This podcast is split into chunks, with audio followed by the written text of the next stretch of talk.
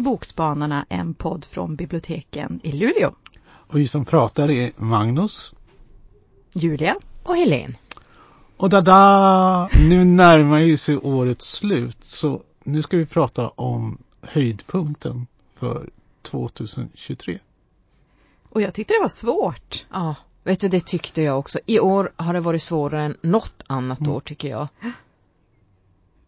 Annars brukar det vara svårt tycker jag för att det är så himla många som, ja eller himla många, men att det är flera som man, och i år hade jag lite svårt att få till någon.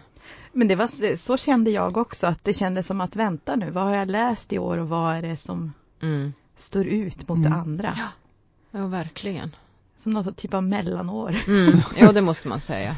Fast mitt problem det är att jag har en sån där hög med veckor som jag ska läsa så sällan hinner jag liksom fram till året innan året tar slut. Ja. Ja, så kan det vara. Men jag har i alla fall valt en bok som jag tycker är väldigt bra och väldigt vacker också. Mm.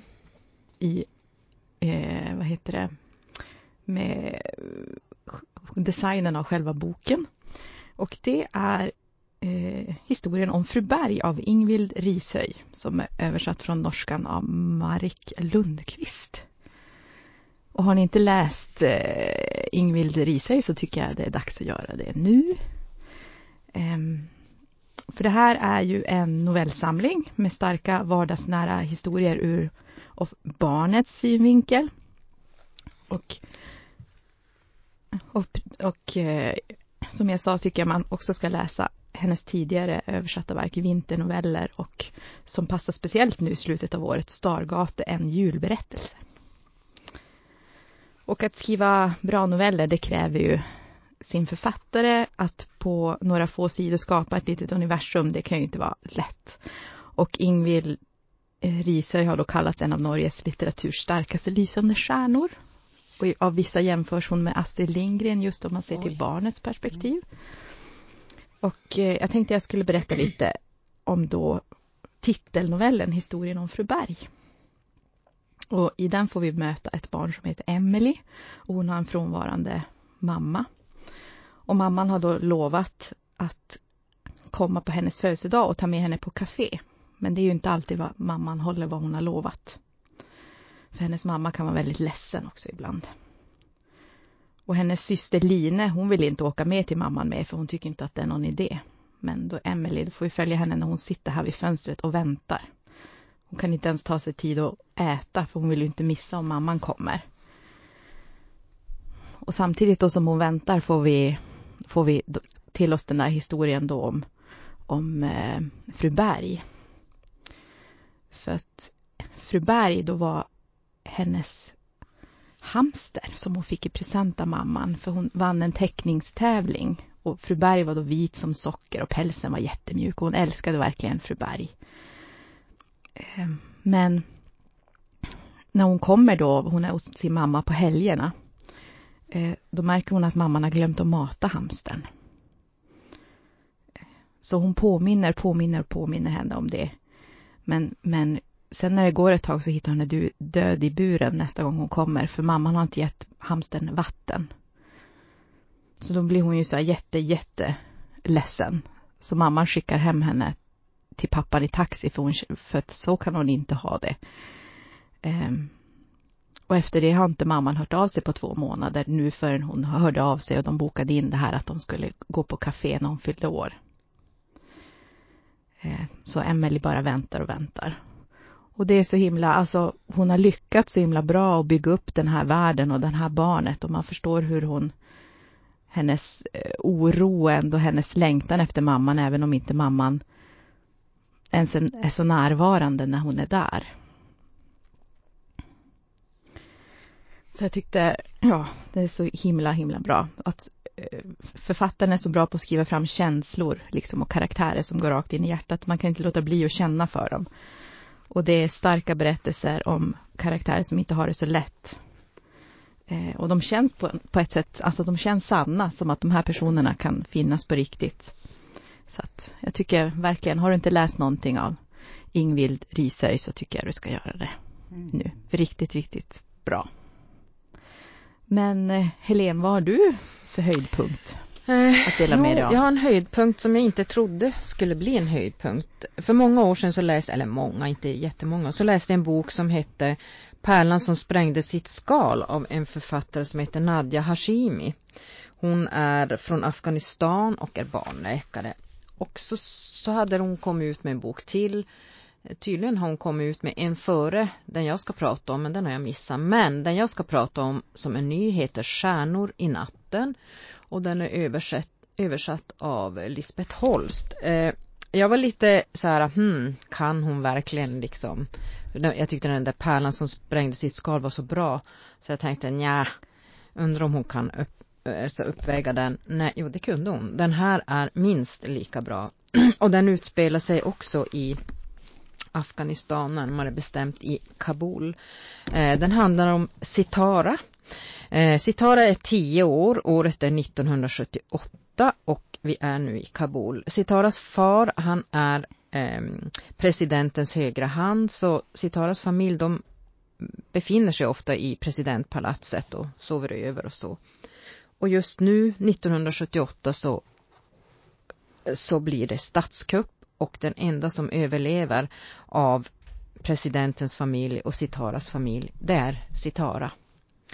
Eh, det finns en vakt som räddar henne som heter Shire och han har fått eh, kläder av Sitaras eh, mamma och känner kanske någonting att han vill ge igen. Så han tar med sig Sitara och överlämnar henne till en amerikansk kvinnlig diplomat.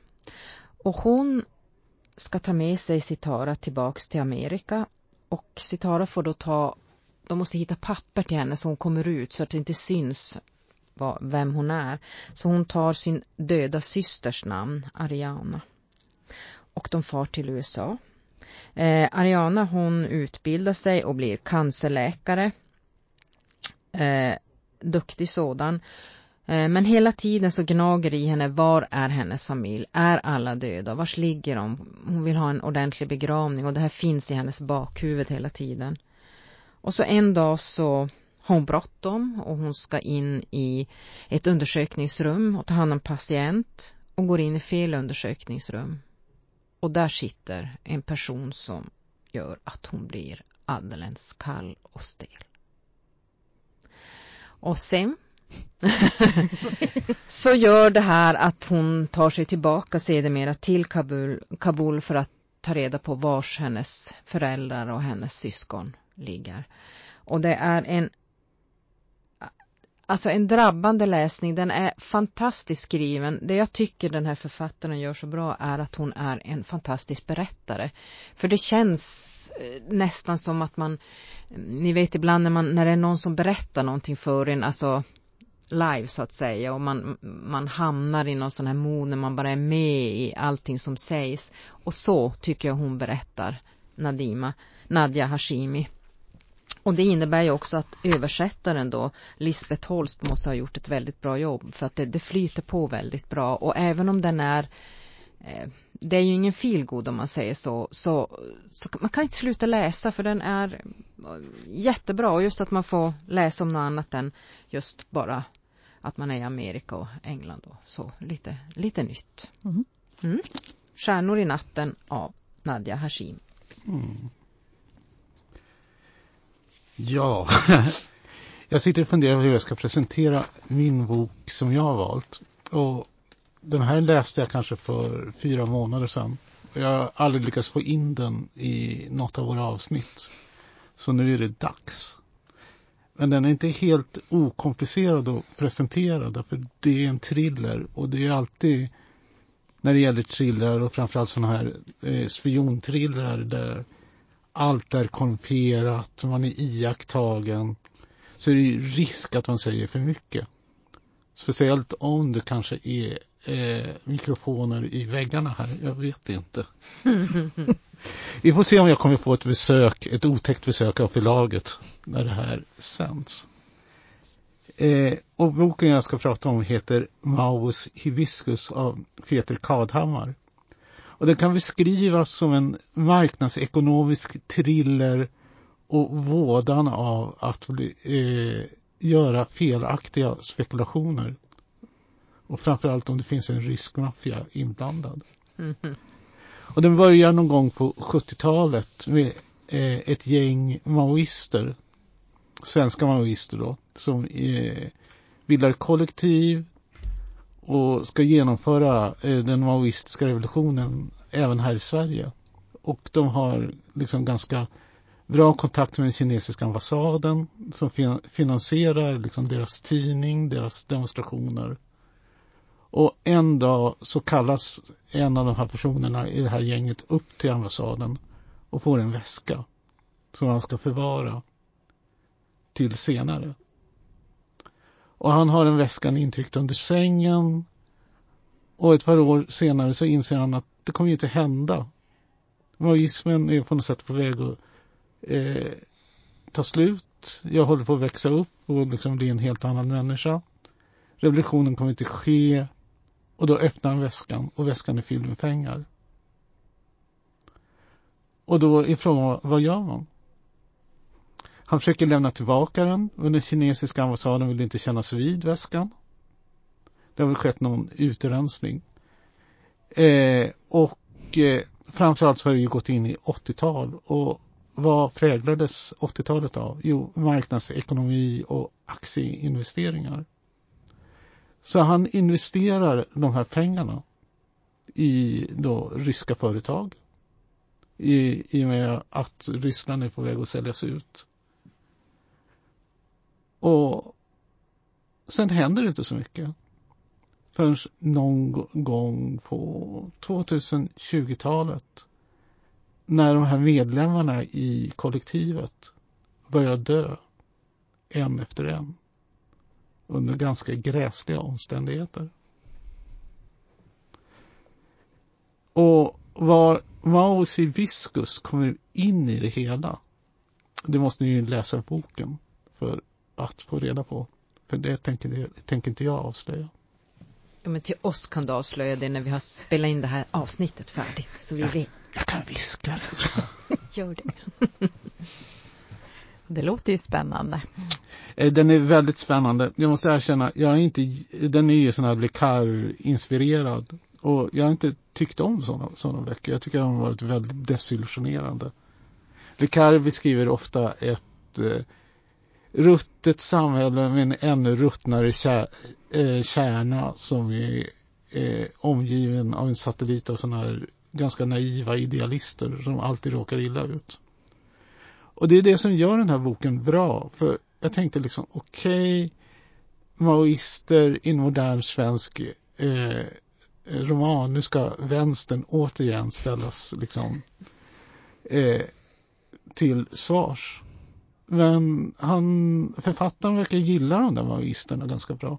De kanske inte är de mest intelligenta människorna utan snarare liksom sådana små godtrogna barn som vill göra världen lite finare och som hamnar då i något som inte är trevligt. Jaha. Där har ni något att bita i. Ja, verkligen. Men om ni vill läsa fantastiska noveller så tycker jag ni ska läsa historien om Fru Berg av Ingvild H. Rishöj. Och vill ni ha en riktig berättelse, spännande och gripande, då ska ni läsa Stjärnor i natten av Nadja Hashimi. Och om ni vill bli paranoid så ska ni läsa Vasibiskus av Peter Hammar. ja, tack så mycket för den här gången. Hej då. Hej då.